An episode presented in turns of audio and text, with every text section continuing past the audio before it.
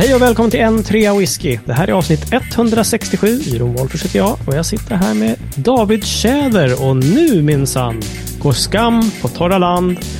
Och det är udda avsnitt och det är David Tjäder och nu byter vi fan språk också. What do you think about that? Yeah, this. This is strange.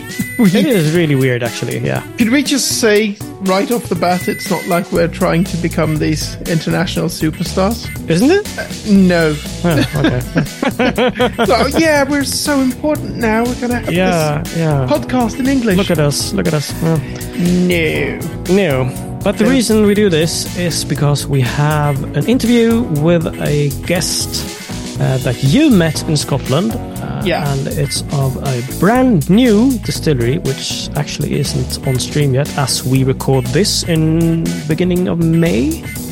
So, uh, which is it? Do spill. Do spill. Yeah, okay. So I had uh, a, a little bit of time before I started the the Springbank Whiskey School, and I spent quite a few days in Ed- Edinburgh.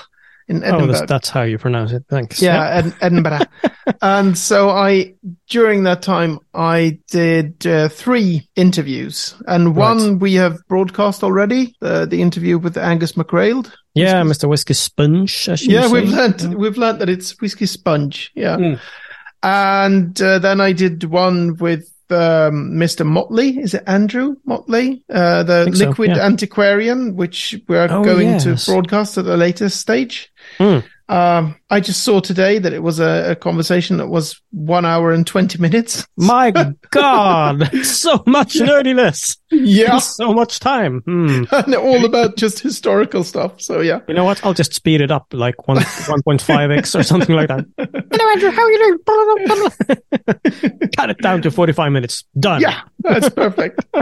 and then there's, and then I did the, the interview that we're going to have today, which was with Paddy Fletcher, uh, Mm. who was a co-founder of the, of a new distillery in Edinburgh, which is called Port of Leith. So And that that's is today's, today's Venue. episode. Yeah. Yeah. and that is such a cool distillery. I've seen it on picture, and it's it's basically it's really out on a on a pier sort of thing in the harbor, right? yeah. And it's and it's very tall. It's built uh, totally different from anything else I've seen.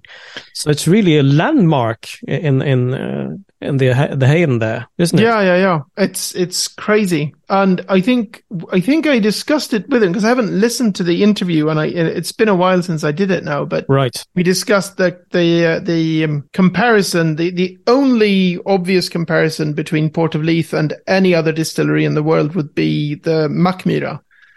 They because they Ah. built the the distillery in Gravitationsdistillery. 2011, which is Right. called the, the gravitational distillery or something. Yeah. Gravitationsdestilleriet. hmm And so that's also built like from the from the like a like a huge skyscraper basically. Yeah, yeah, right. And I think we we discussed it. I don't know if we discussed it in the interview or if we discussed it when Paddy showed me the the distillery Mhm. that they had contacted Mackmyra after a while when they realized like oh oh there's There's this another other distillery which is also and they and then the Port of Leith guys were really happy that they built it a little bit higher so they could say well it's the Yeah, highest at yeah. least yeah, okay, okay. So yeah, it's a really um, cool distillery. Sure is. And they're supposed to start any day now or or any month now. Yeah, I Mhm. think so. I think they're opening also for visitors now, Mhm. just about now. Okay. Um, the stills went in um, like a few weeks ago. I think I saw on Facebook. So when I was Mm. there, uh, Paddy showed me around the entire distillery. hmm But the the then the washbacks were in place, but everything was like wrapped in plastic. Oh, and okay, there was okay. these huge holes, which was like, oh, and this is where the stills are going in. Okay, okay. So it okay. wasn't in production and it was still very much like a building site Mm, when I was there. Okay. But such a, such a cool building and they're going to build uh, like a big whiskey bar uh, as well inside the distillery. Mm. And it's just, just next to the, um, the boat, the very famous, the one that um, the royals used, the last yacht, Carisar? Brit- No? Britannia. Britannia. Oh, yeah, rule okay. Britannia, Britannia rule the waves. That Yeah, boat. yeah, yeah. Okay, okay, or okay, boat. that little that little vessel. boat. Yeah. right. It's Okay. like a hundred meters from the distillery. Oh, okay. Uh, so they were thinking like, okay, so this boat gets this amount of tourists. Perhaps we can get some too. Yeah, perhaps we can get one or two to sort of yeah, yeah. visit us. But then again, I mean, a couple of years ago, wasn't Leith like uh, not that nice of a of a community uh, of a city uh, of a part Yeah. of the city? Uh, wasn't like Train Spotting that Yeah. old movie? Wasn't that filmed there, shot there? It was it was shot there and it was it was about how Leith was in those days, but with with slight exaggerations. But yeah, it, it used to be a really rough part. It used to be its own city, but Oh, then really? merged together with. So now it's like a part of Edinburgh, but it used to be thought of as that's Leith, Mm. that's somewhere else. Yeah, okay. But yeah, Paddy actually went through quite in detail. That's one of the things I, I do remember about the interview. He did go through like the, the local history with Leith and whiskey, and then the more recent history with with like a lot of drug problems. Hmm. But then there was Not meaning also whiskey then. No. ah no, and then there was also like from the early '80s, Scotch Malt Whiskey Society always had their their like base in Leith oh, right. called Okay. the vaults. So Mhm. mm, a lot of whiskey people have always like gone down to Leith for the okay. Scotch Malt Whiskey Society. That's exciting. Yeah, As is this interview. Uh, it's going to be very interesting. And and uh, of course, check our show notes to to get some more links and stuff. yeah, material. Check for it. and and do check out. I mean, if ever you're in Edinburgh, because it used to be like you go to Edinburgh.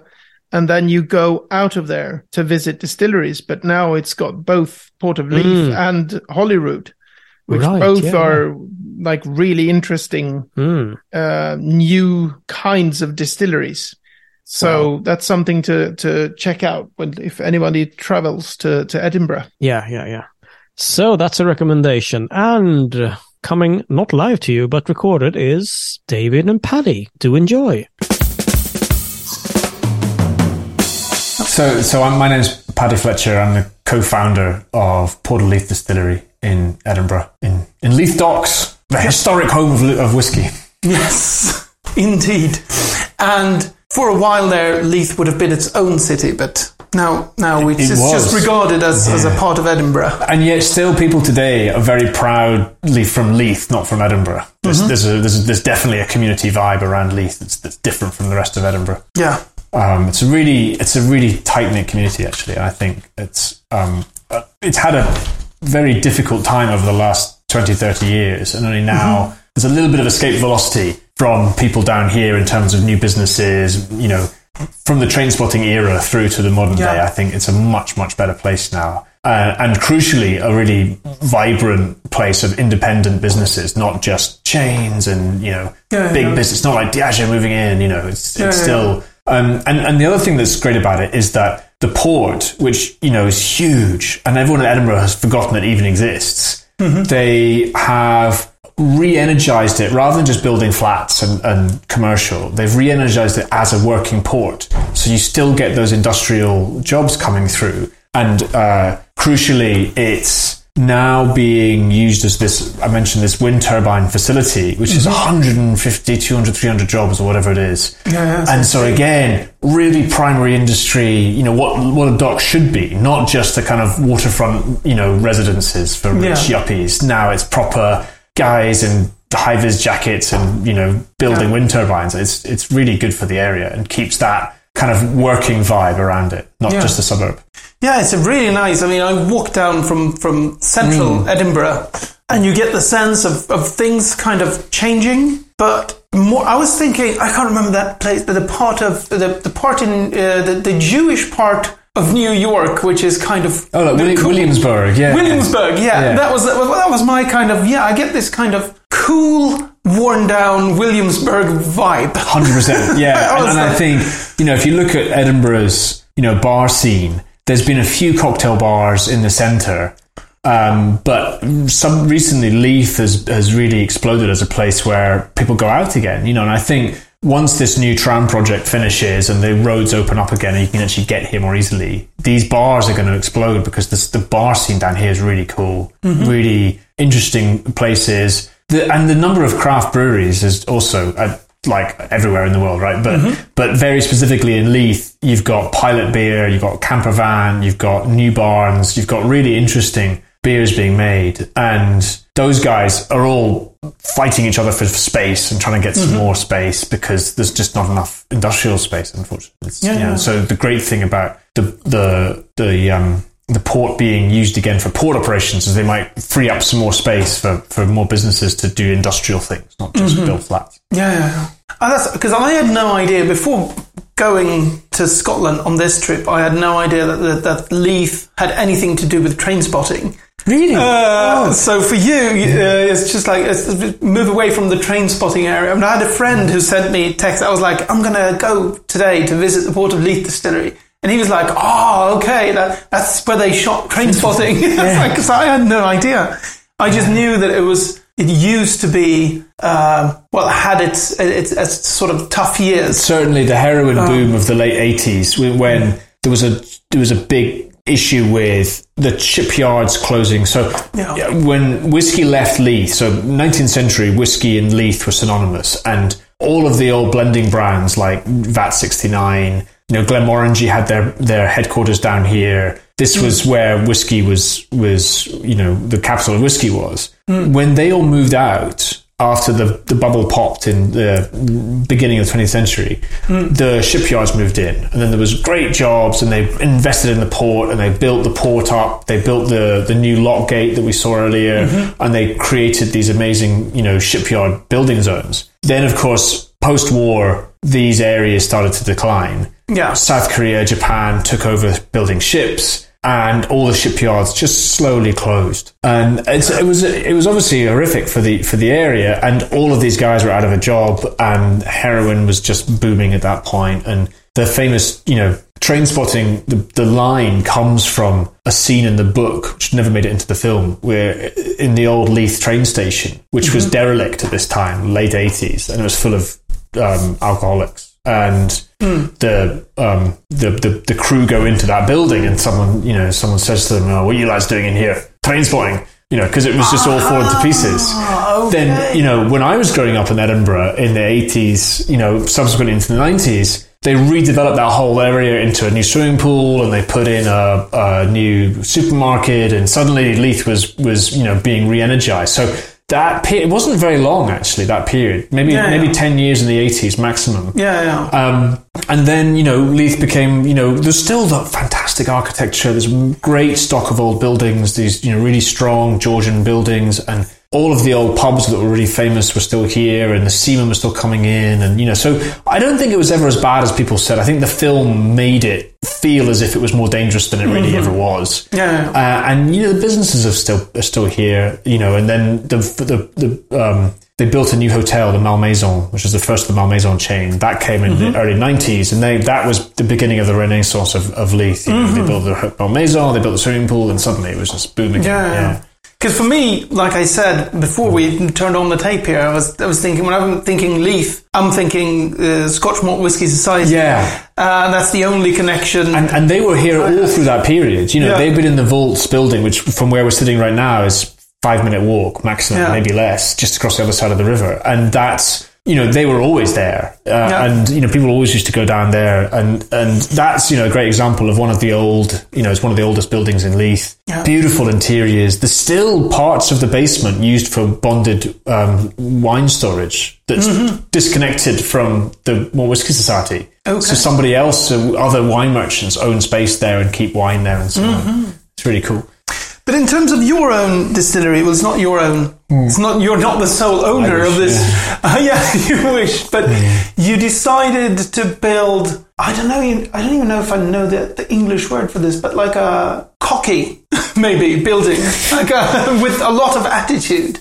Like the, the, the that I think you said is the at least in for malt distilleries, but probably the highest distillery Yeah. in the world. So why is this? Why is this so? I for us, we there was there was a, it was a twofold attraction to being. So the first was we wanted to be in Leith because that was the history. That's where the heritage of whiskey was. You know, all the old brands were from Leith, and we wanted to reinvigorate that that area and, and that part of the whiskey story. The second thing was crucially thinking about why uh, you know, how, how you can run those early years. So, you know, I'm an accountant by trade. You know, I'm finance professional. So my view was looking at a, a spreadsheet and going, this business doesn't make any money. You know, you spend millions of pounds building a whiskey distillery and then you can't sell any product for another 10 years. So you've got all this working capital to deal with. How do you finance that? And the answer for us was always tourism. You know, we've got um, the Royal Yacht Britannia is in Leith. That's the Queen's old boat. Very, very popular tourist attraction in Edinburgh. You know, if we can be near that, then you've got uh, a reason for people to come to Leith and spend a whole day here. You know,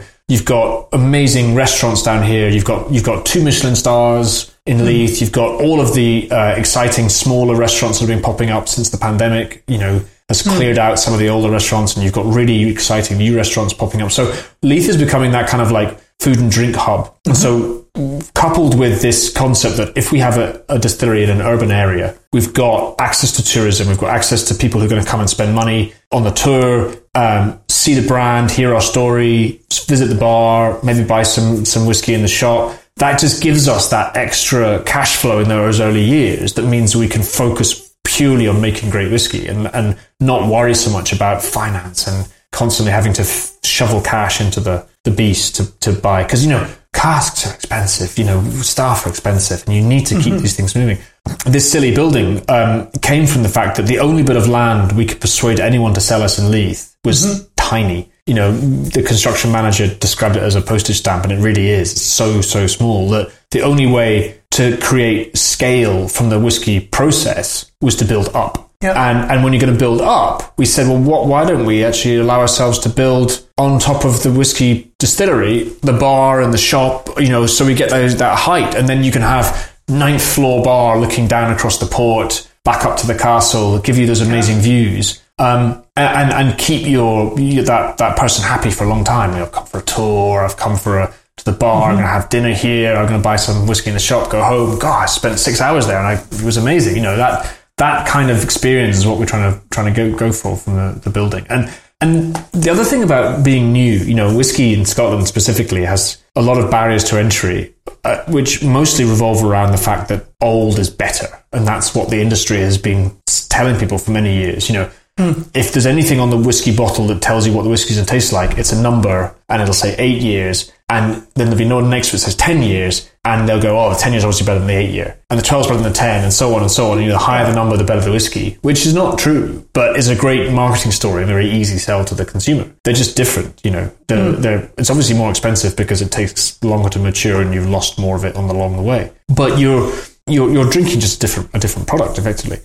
What we were like thinking about the building was that you know we're new and why don't we use that to our advantage? Because if you're old you're stuck with that traditional mindset. And if Glenfiddich changes their branding and makes it all new and shiny with a new picture of a stag and all this stuff yeah great but everyone still think of it as the old Glenfiddich and the old stuff by, by virtue of us being brand new, we there's no baggage. We've got nothing behind us. So we said, if we build a brand new building that's obviously new and definitely doesn't look like any distillery in Scotland, then that's we you know, that's our our present to ourselves because we don't have to worry about building an old building and making it look like an old building. Yeah. And and I think that's been the most liberating thing for us was to say I don't have to build an old building. I can build a new one and we can let the architects go to town on making it look cool and have some fun with it. And and not let us be tr- you know held back by the legacy of, of the industry which is huge. You know there's big weight of responsibility on on on the you know you as a producer because Scotch whiskey is this global presence that you you know as long as you play by the rules you, you get access to that but you don't want to break it. You know it's it's like you're terrified of, of not making something as good enough because you don't want to make Scotch whiskey that's bad because that's going to be bad for the whole of the industry. And if you see other people doing stupid things, you're kind of like, guys, don't do that. You know, that's that's not good. uh, and you really want to, you know, showcase what Scotch whiskey can be, uh, and hopefully, you know, make a good product and, and and try and do something maybe a bit new and have have some. You know, have some. Don't be too serious about it. Try and have some fun. Eventually, you know, we're allowed to have some fun at some point, but not you know, but you, you also you don't want to break that that that model because it's such a powerful brand globally that it's it's important to maintain that. But it's cool. I mean, in terms of being In terms of being, well, for me being Swedish, of course, I'm thinking of the Mackmyra distillery being the gravitational distillery, but you made yours even higher. was there a, was there a point at which you said, uh, "How high are they? We're going to go another five or ten meters." Just No, we to never we never checked. We probably should have done. It was only very recently that our, our marketing manager was looking at it and, and she measured Mackmyra and said, okay, that's that's 37, I think it was, and we're 42. And we're Yeah. like, okay, we're taller. Is there anyone else taller? You know, what else is out there? And, and it was this kind of panic, like, yeah, we should have made sure we were taller. Like, that's just a stupid thing. But I think it was much more by luck. You know, it was more because it were, it were at one point it was even taller still, um, because of the the over budget, you know, presence, the the constant cash flows. We cut a story out at one point, made it a bit shorter. Yeah, yeah. Um, so yeah, we never we never thought to check. That's fun.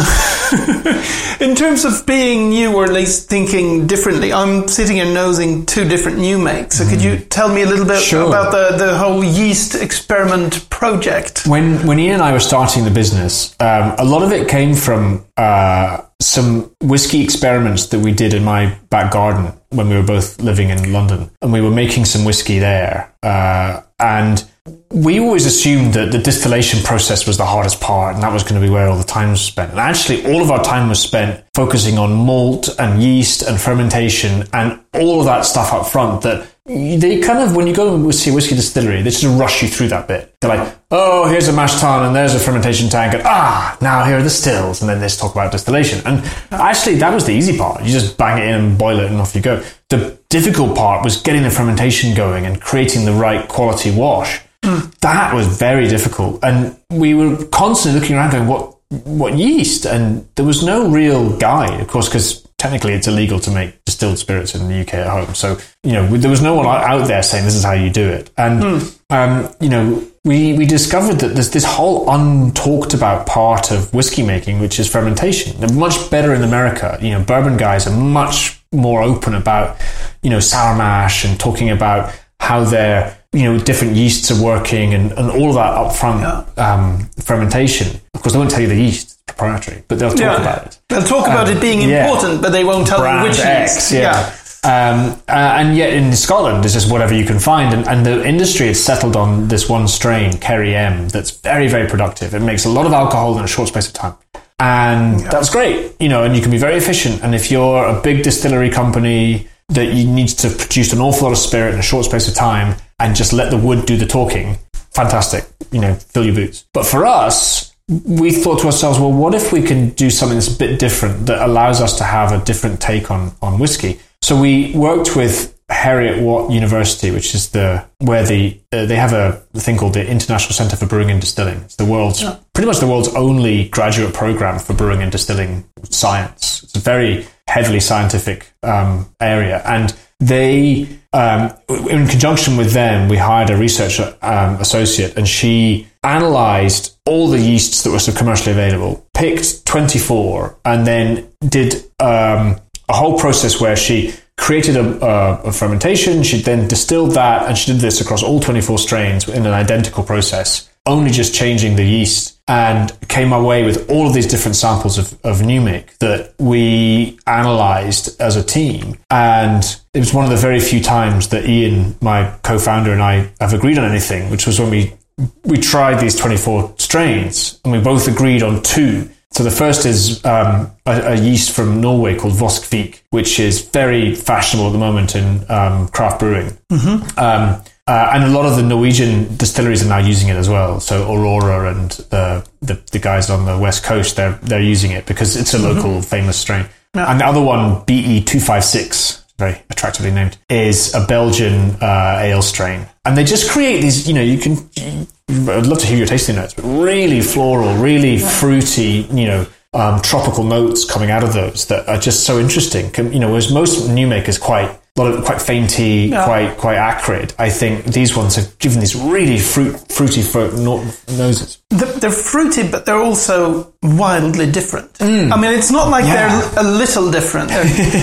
And the thing is, I, I might have mixed up the glasses now, so I don't know which Yeah. one it is, but one of them has got a lot and lot of, of honey in it. Yeah, yeah. And, And it's just the, the whole notion of, of yeasts not being important.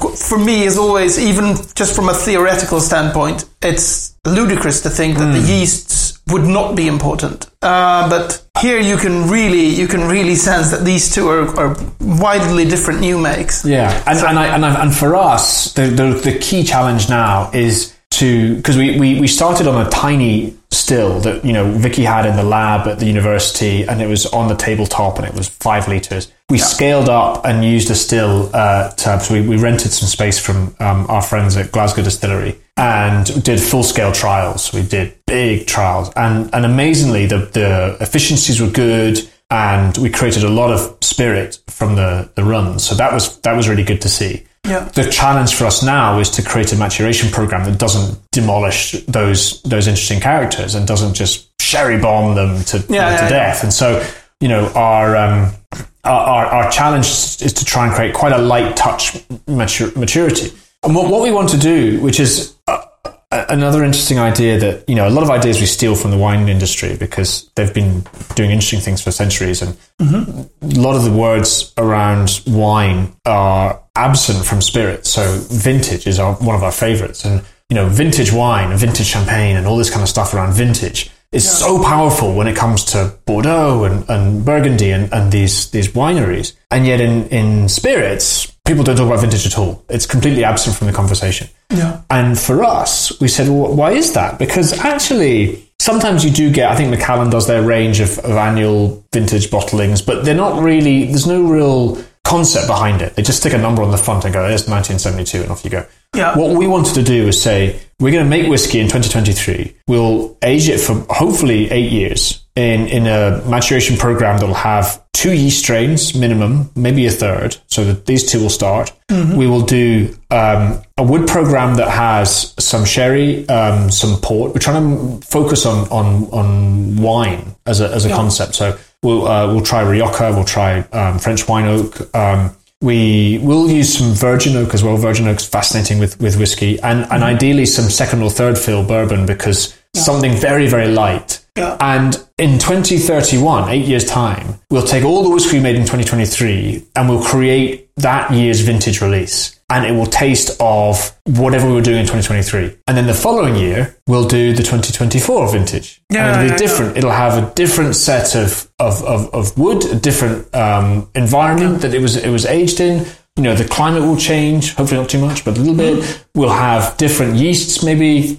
Um, the distillers will be working in a different pattern. Maybe they'll be they'll be mature. Maybe we'll do longer fermentations, shorter fermentations, and so all of that will come together to produce a different spirit. Not uh, hopefully too different. You know, we don't want to. You know, we, we won't suddenly throw in a peated and you know change it. Yeah. You know, it'll be still a this lowland sort of slightly floral style, but we want the whiskey vintages to just change over time. Yeah. Which crucially for us gives us two excuses every year. The first is an excuse for us to throw a party. So we can have a big party that says, here's the party to, to release the vintage. Yeah. And, and what we want to do, you know, this is something that I, I learned from my days when I was, um, uh, my previous job was at WeWork, the, the office company. And we did no marketing ever at WeWork. All of the marketing budget was spent on parties, and it was all about throwing huge parties, not just for the for the staff, but also also for the the clients, and they were very popular. Uh, And you know, every week in, in each building there was something going on. There was always activities, and you know, we're going to keep everyone happy because if they if they go back to a different office, suddenly they'll go, "This is boring." Because every week we had Thursday night drinks, and we had you know the quiz night, and we had the film night, and we had the Halloween party, and it was The way crazy to reel them in. and, and means that if they if they ever want to go, they're like, well, I don't get to go to the parties anymore. This is terrible.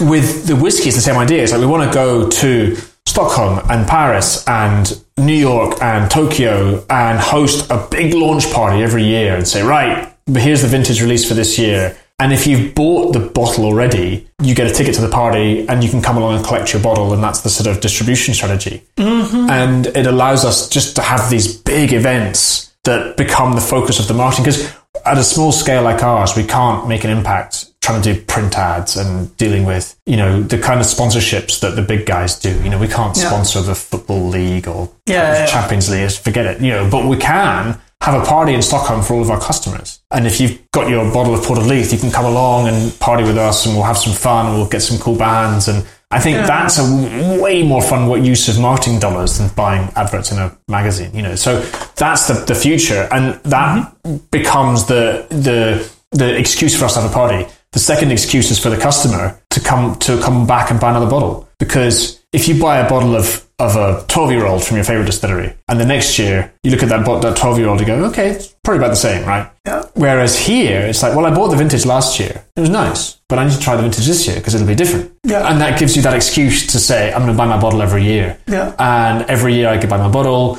i go to the party and maybe one year we'll say we're not going to have it in stockholm this year we're going to go to helsinki and then you get to fly to helsinki and have to and, and go to that party mm-hmm. instead or you've got to you know, and, we- and and we just we you know if we have four a year and we keep moving the cities and people get to go along to a different place, that's a really cool you know Yeah. experience for people to do, and we can like ideally at some point one of my favorite ideas is to go up to the north of Scotland and just have like a little mini festival almost, and just have like put, build some log cabins and have like a kind of a bit like Fèis Ìle, you know, that kind yeah, of yeah. like community idea. Um, we could do it in Edinburgh, obviously, but there's lots of festivals in Edinburgh already. Like, I'd love to just do it in a field and just have, you know, some cool music and some cool things going on and, and this big party of whiskey fans and have some, Yeah. have some fun. I think it's a I think it's a great idea. I think also a few of the bigger brands who used to do vintages like Balblair. Balblair's the famous one, uh, yeah. Glenrothes as well. I think Okay, yeah. they, they did. They also moved from from vintages to They- like they- a standard. They dropped it. And, and the, the, but they never really, it's not, you know, they, they obviously had their own ideas of what they're trying to achieve with that. And but they never I don't know. explained the vintages. But they didn't explain it. And so Yeah. they'd have one year, they say, okay, here's the 2012. And it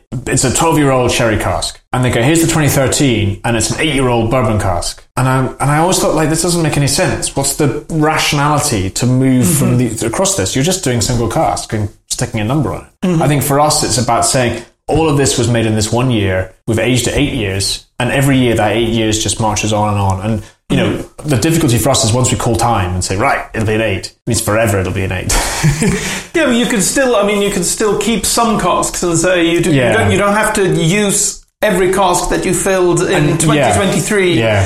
for the eight-year-old vintage. Because We, we'll have a lot of whiskey. I mean, you know, Yeah. we're, we're 400,000 litres per alcohol, so roughly a million bottles of whiskey a year. yeah, We've, we're hopefully going to keep as much of it for ourselves as possible. We don't want to sell too much. Yeah. Um, you know, we've got obviously lots of ideas around other whiskey products that will mean we can do some swaps with other distilleries and get hold of some other whi- whiskey, and and that gives us some ideas around. Um, you know, we talked about perpetuity downstairs. This idea of the infinity vat, where we fill it up with whiskey and bottle half, and then keep filling it with different whiskies. That again means that each batch will be slightly different from the last one. You know, Yeah. and that's where you can really go to town and say, you know what, one year we'll throw in some peated whiskey and we'll allow it the peat to come through, and then the next year we'll just go heavy on sherry and you know Yeah. and, and allow that just to just again meander through time. And so again, it just gives you because if you're always drinking the same thing, there's no fun. Whereas we want to be able to you know give you an excuse to always come back because there's always something different going on. Yeah. And whilst some people might say you need consistency of product, otherwise no one will understand who you are. You know, our our consistency is being inconsistent.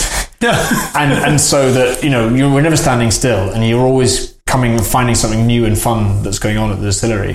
Um, you know what are, what are the, what are these guys done this year? And you know, I also think is what I think it's a smart move in terms of being. I mean, four hundred thousand liters of pure alcohol a year is very big for a new distillery, mm. but it's very small in terms of the the big guys. Macallan thirty million. Yeah, yeah, yeah. But but so I think it's a smart. I think it's smart not to try to be just like consistent in terms of yeah we're going to have one bottling. It's going to be the mm. same every year. year old, and there you go. Yeah. Us, yeah. So you need that if you're if you're Glenlivet, you need to be consistent because you have so many Mm. customers. But in terms of being much smaller, you won't have the Glenlivet Yeah. base, and then you can have the time to, to be inconsistent. The, the, the, I guess the, the only sad part about it is that we're, we're quite short of expansion space, and it's very difficult to uh, make the distillery any bigger. And we don't want to get into a position where we focus on two or three markets and we uh, we abandon certain markets. We want to be able to go everywhere, you know. And if we say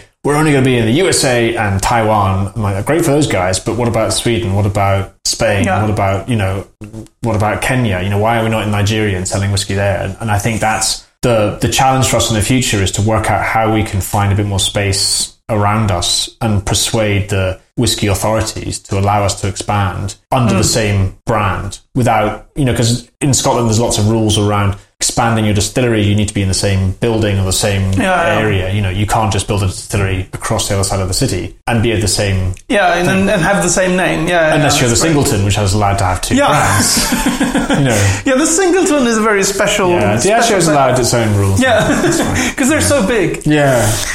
Um, but in, when I'm tasting these two new makes, I'm thinking. You said it yourself as well. As it's a it's a kind of a lowland style. Yeah. It's very it's they're light, they're floral, they're fruity, they're for lack of a I think it's a, it's a word that doesn't get too much good traction, but they're nice. Like this is nice whiskey. This is really like it's delicate. I think would be a better word, but Yeah. a more positive word. Like, yeah, they're nice, but they're Yeah. delicate. So is this the the style that you're thinking Yeah. you're going for, though? I think definitely. So Hmm. a- a- again, we want to not give the consumer too much confusion. I mean, there's enough confusion in our brand already as to what what you're going to taste when you open the bottle. Hmm. So we're definitely never going to do peated whiskey. I mean, I love peated whiskey, but that's for a different distillery. You know, Yeah. we, we don't want to say here's our peated, here's our unpeated, and the consumer because I we, we do think there is this idea around. You know, I, I remember during the pandemic, I was sitting at home and I was still trapped in, in London, and I had a bottle of Talisker on the, my kitchen table, and it,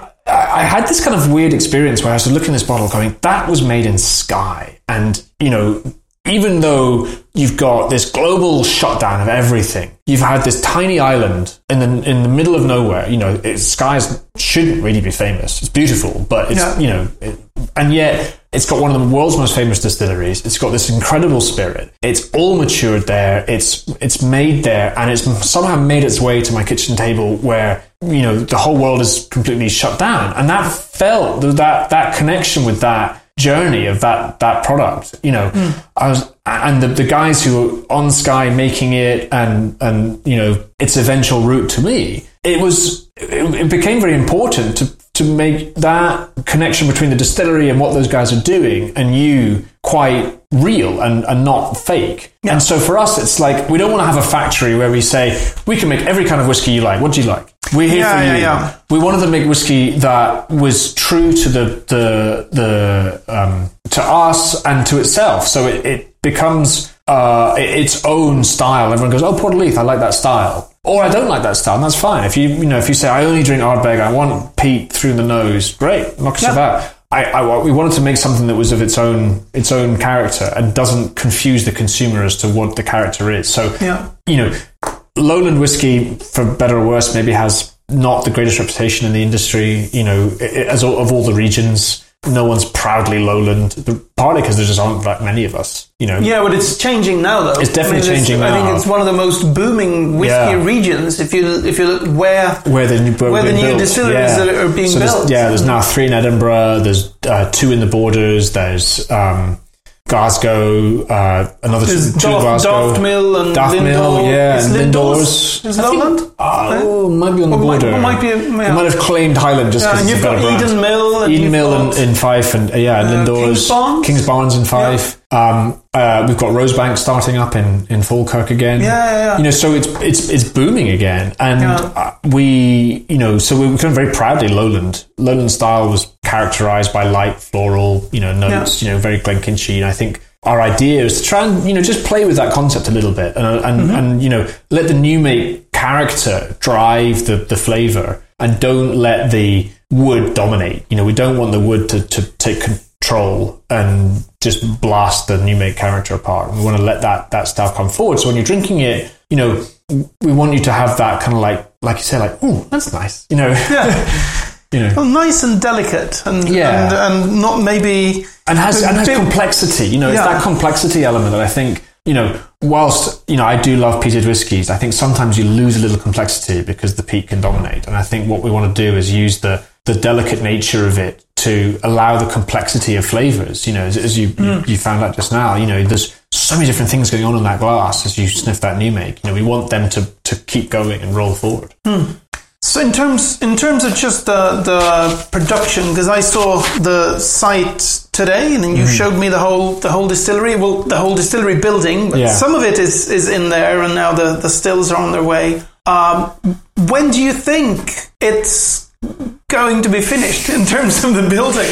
If you'd asked me six months ago, I would have said November 2022. But we have had uh, the pandemic um, shortages of materials are still biting us a little bit, and certain factories of certain critical components are so far behind their order book that it's taking a while. But we should have. I mean, you saw today almost all of the processes in place. Yeah. Um, the last thing to build is the draft pipe that takes the draft out from the mash tun to the uh, to the yard.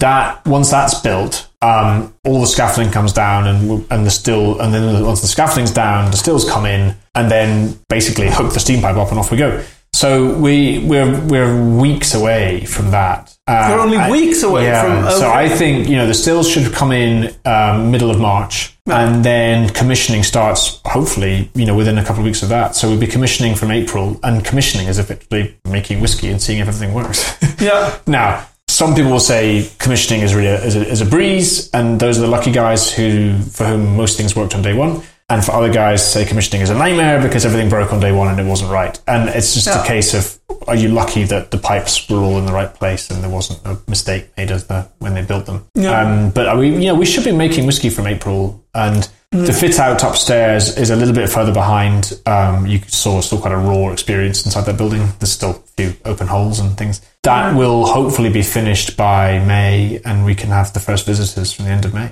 Okay, so that's from then on because it's a really. I think you've been you've been thinking correctly there in terms of being in an urban an urban distillery. You need the tourists. I need the Um, tourists, so yeah. so from from around like the end the end of May, beginning of, of June. June, yeah. So hopefully the summer tourists will be coming Absolutely. there. Yeah. And Edinburgh just explodes during the summer. You know, all the festivals happen, and Hmm. ideally, we need a little bit of time before the before that really gets going. So we've got time to get the staff trained and work out. You know, make sure we're not being doing stupid things with the food and the, get the stock in. Crucially, you know, we started buying stock three years ago for the bar. You know, we've been collecting some interesting, you know, rare um, vintage bottles. We've been trying to collect bottles that, that have that Leith connection. So all these old brands that were made in Leith, we've been collecting those. So there's a you can see the bottle of VAT 69 from the 50s on Ian's desk there.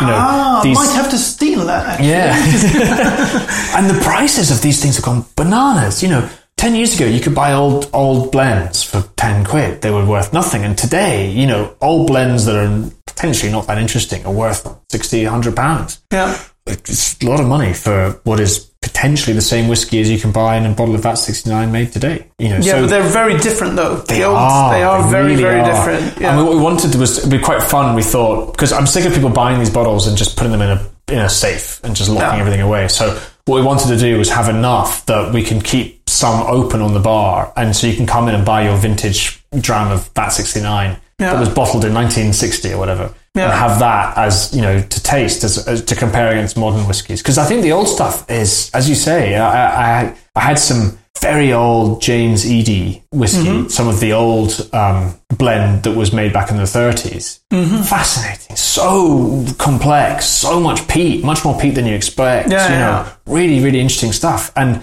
you know, no one today is opening those old bottles. They just get traded, and that's boring. You know, Yeah. want to just open them and say, right, this bottle was made to drink, so let's drink. Yeah.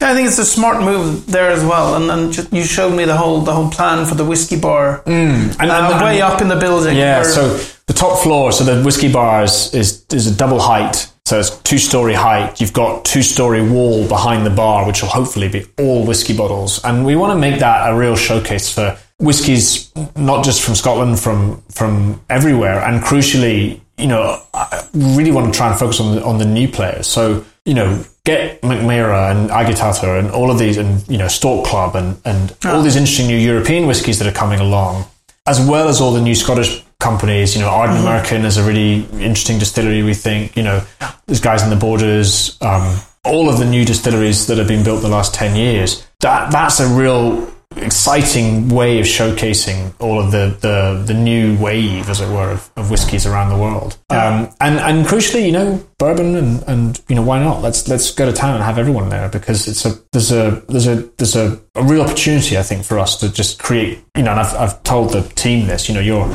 mission on on day one is to be in lists of top 10 whiskey bars in the world. You know, we've we've persuaded people to give us enough money to build this stupid building. Let's really give it, you know, a, a, a whiskey bar to, to have to write home about, you know. yeah, yeah, yeah.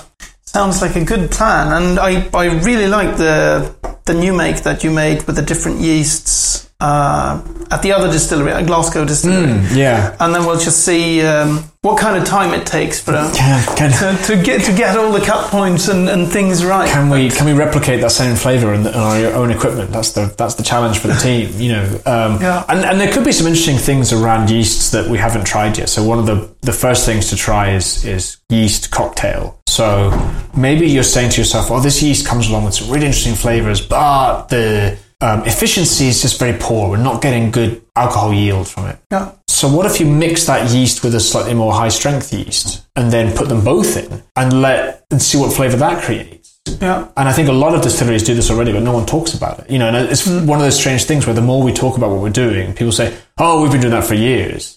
And I go, "Okay, well, why didn't I, did, I did your tour last year and you didn't say anything about it? Yeah. You know, how do I how do I know? You know, But it used to be, I think it used to be really like standard practice to have both distillery yeast and different kinds of brewer's yeast. yeah. Then uh, at, at some point in the 1990s, almost everybody stopped. And some, maybe some people kept on doing that, but they're not talking about it. I, and I think you're right. I think Oh. everyone I think there's a lot of people doing interesting things like this, but for us, the the having that um, uh, opportunity to talk about it, and with all the people, oh, excuse me, coming through the door, it's such a great time to be making whiskey and Yeah. to be ha- you know having that experience where people are really excited to come and do whiskey tours, come to distilleries, meet the teams, try the products, and and experiment. You know, I think maybe hundred years ago, you know, launching a brand was much more difficult because were people willing to experiment, or do they just want you know that one brand that they knew and they liked? Mm-hmm. I think today, I you know, when you look at the, the kinds of brands that are, are, are growing,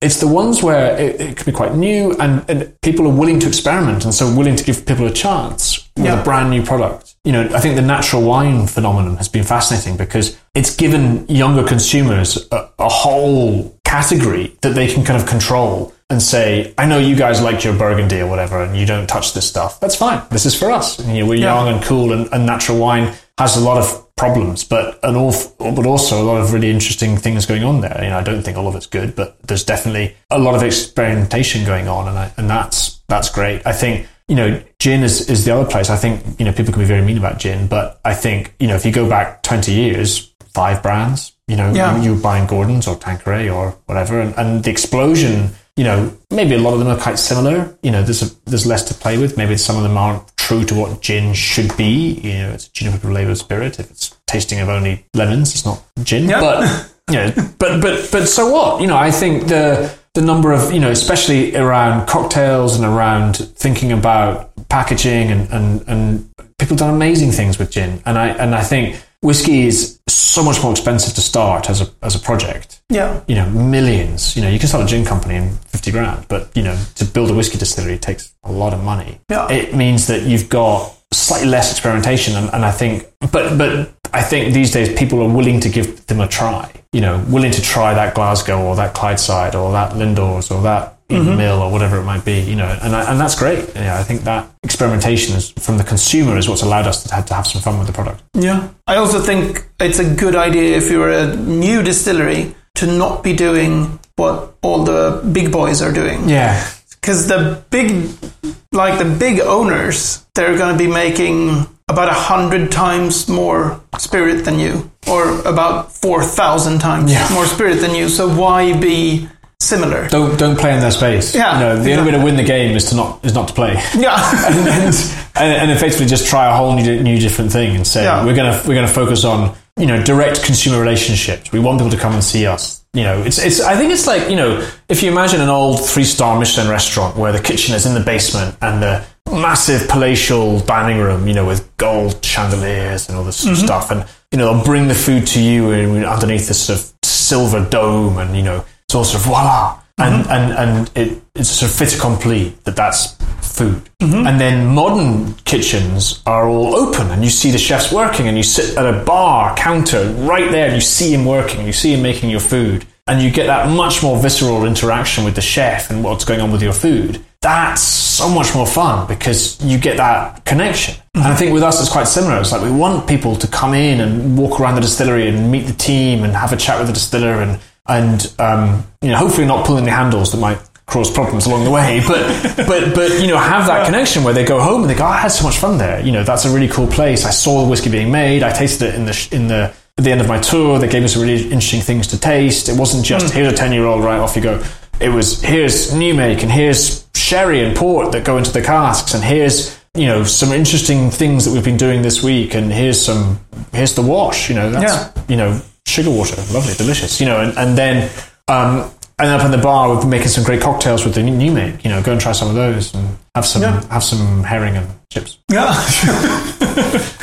it sounds like you, you do have uh, not a plan, but quite a few plans, and you, you know what you're doing. And uh, Oh no, we, we don't know what we're doing. We've got lots of plans, but but the, the crucial thing is that if we ever end up knowing what we're doing, we're we're we're not pushing ourselves hard enough. I think you know if if we can make this distillery work, you know we've got the we've got Lind & Lime, the gin brand. Um, it, it's been really successful. It's it's been really fun to do, uh, and I think that for us has been a really great experience around tourism and you know we've got the tourism here for the gin tourists very different category very different kinds of people you know much more based around partying than it is around serious you know introspection of the product. But we, we really we make a big thing about the quality. You know we're of the first organic gin pretty much in the UK and then we make a big thing about sustainability. Um, with uh, the whiskey, you know, again, totally different concept, vertical distillation, different yeasts, vintage releases, all this kind of stuff. We want to really do more, you know, and I think, you know, whether it's in Scotland or, or somewhere else in the world, we'd love to build more distilleries because there's so much opportunity in this in this space. You know,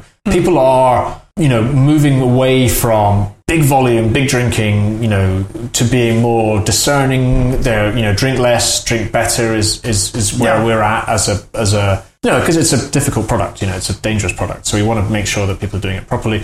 Yeah. We, so our focus is on drink less, drink better, and, and and that is an easy model to run around very you know more premium distilleries in Kentucky. You know, I'd love to do something in Scandinavia. You know, there's so much interesting stuff going on in, in Scandinavian whiskey. You know, could we be the Scottish guys come to come to Yeah. Scandinavia and build a distillery there? You know, Yeah. could we do something in Spain or Germany or, or, or, or Japan? Would be amazing if we could do something in Japan. There's so much fun and amazing things going on in Japan. Very difficult place to do business, but that would be because that's the, Yeah. the other global you know whiskey brand that's exploded recently, and I think that's that'd be really cool. Yeah, yeah. And, and I think you know someone like Nigeria or Kenya, I think it'd be amazing to do some some whiskey out on in Africa. I think that's such an uh, overlooked part of the world when it comes to building new brands, and I think we could have some real fun in in Africa with with African whiskey. yeah, yeah.